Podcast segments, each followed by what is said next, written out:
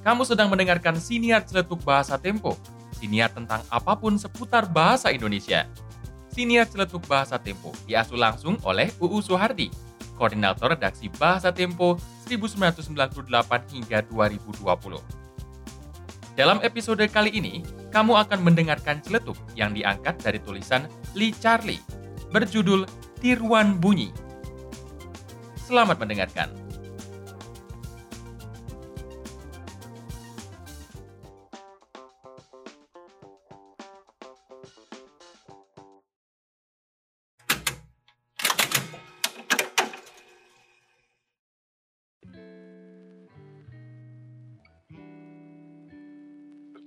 Kring! Bunyi telepon.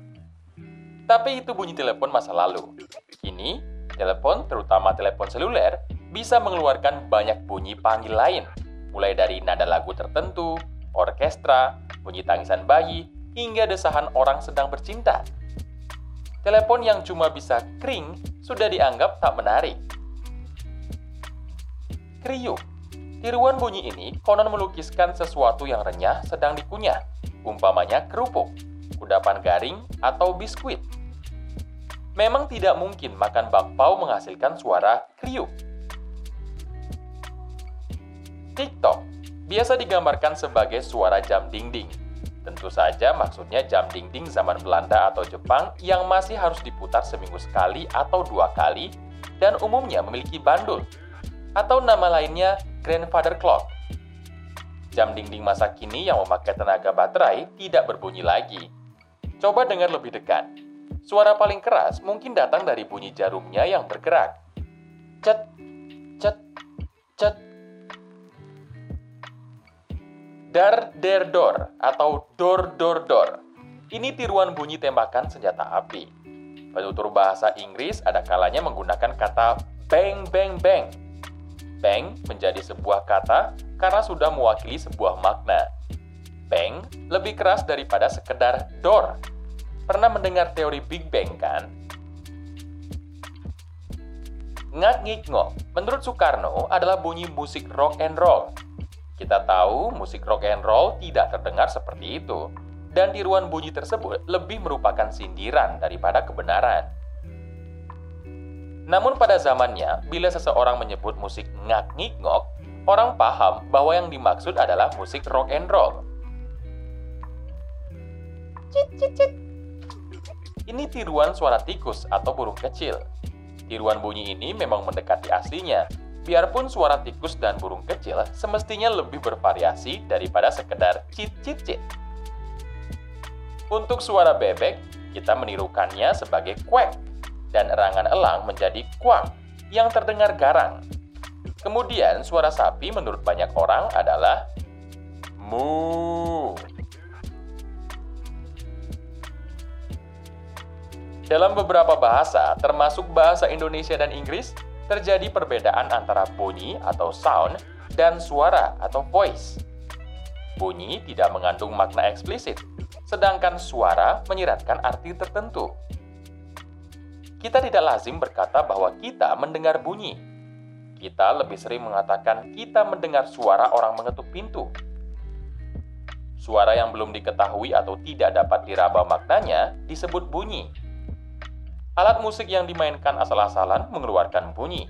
Tapi jika dimainkan dengan mengikuti partitur sebuah gubahan lagu, ia akan menghasilkan suara.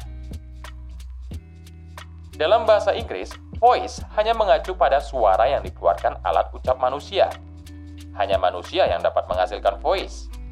Di luar itu, termasuk suara yang berasal dari alat musik meskipun berbentuk lagu, disebut sound saja. Bom atau boom adalah tiruan suara bom yang meledak. Kurang greget dan tidak seru jika kita menulis sebuah bom meledak tanpa diikuti atau didahului tiruan bunyi yang menggambarkan suara ledakannya. Tik, tik, tik. Ini suara hujan atau air yang menetes. Suara tetesan benda cair yang mengenai bumi memang terdengar seperti itu. Kita sudah lama mengenal tik, tik, tik terutama dalam syair lagu.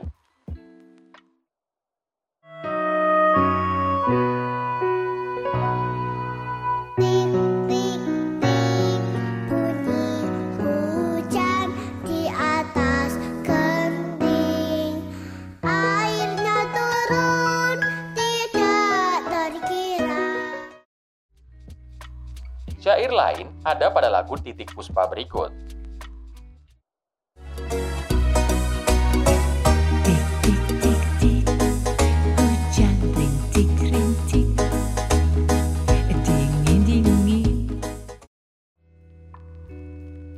Syair Tik Tik Tik terakhir dipopulerkan oleh band Kotak lewat lagu berjudul Masih Cinta.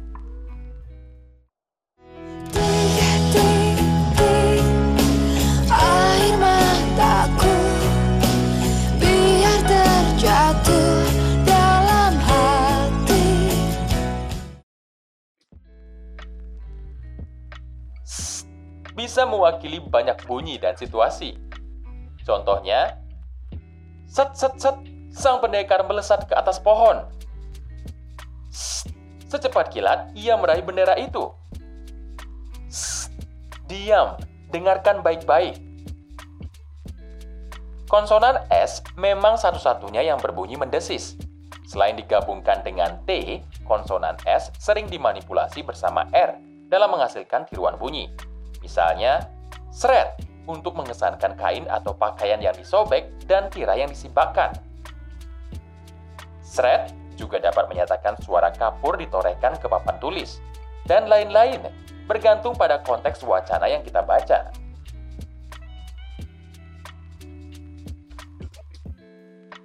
Sebelum sajian ini kita akhiri, UU Suhardi menitipkan celutuknya.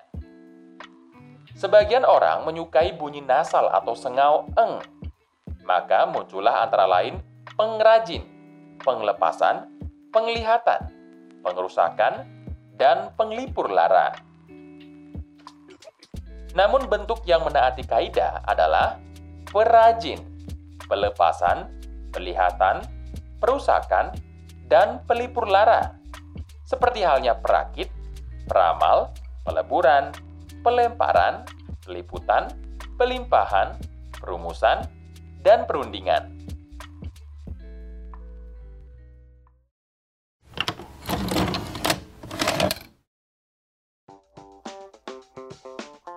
Terima kasih sudah mendengarkan siniar celetuk bahasa Tempo bersama UU Suhardi. Kalau kamu tertarik menyimak celetuk-celetuk lainnya, kamu bisa membaca rubrik bahasa dengan mengakses majalah.tempo.co atau mengunduh aplikasi Tempo. Saya Dewa Made, pengisi suara di episode kali ini Nantikan episode selanjutnya tiap awal pekan. Salam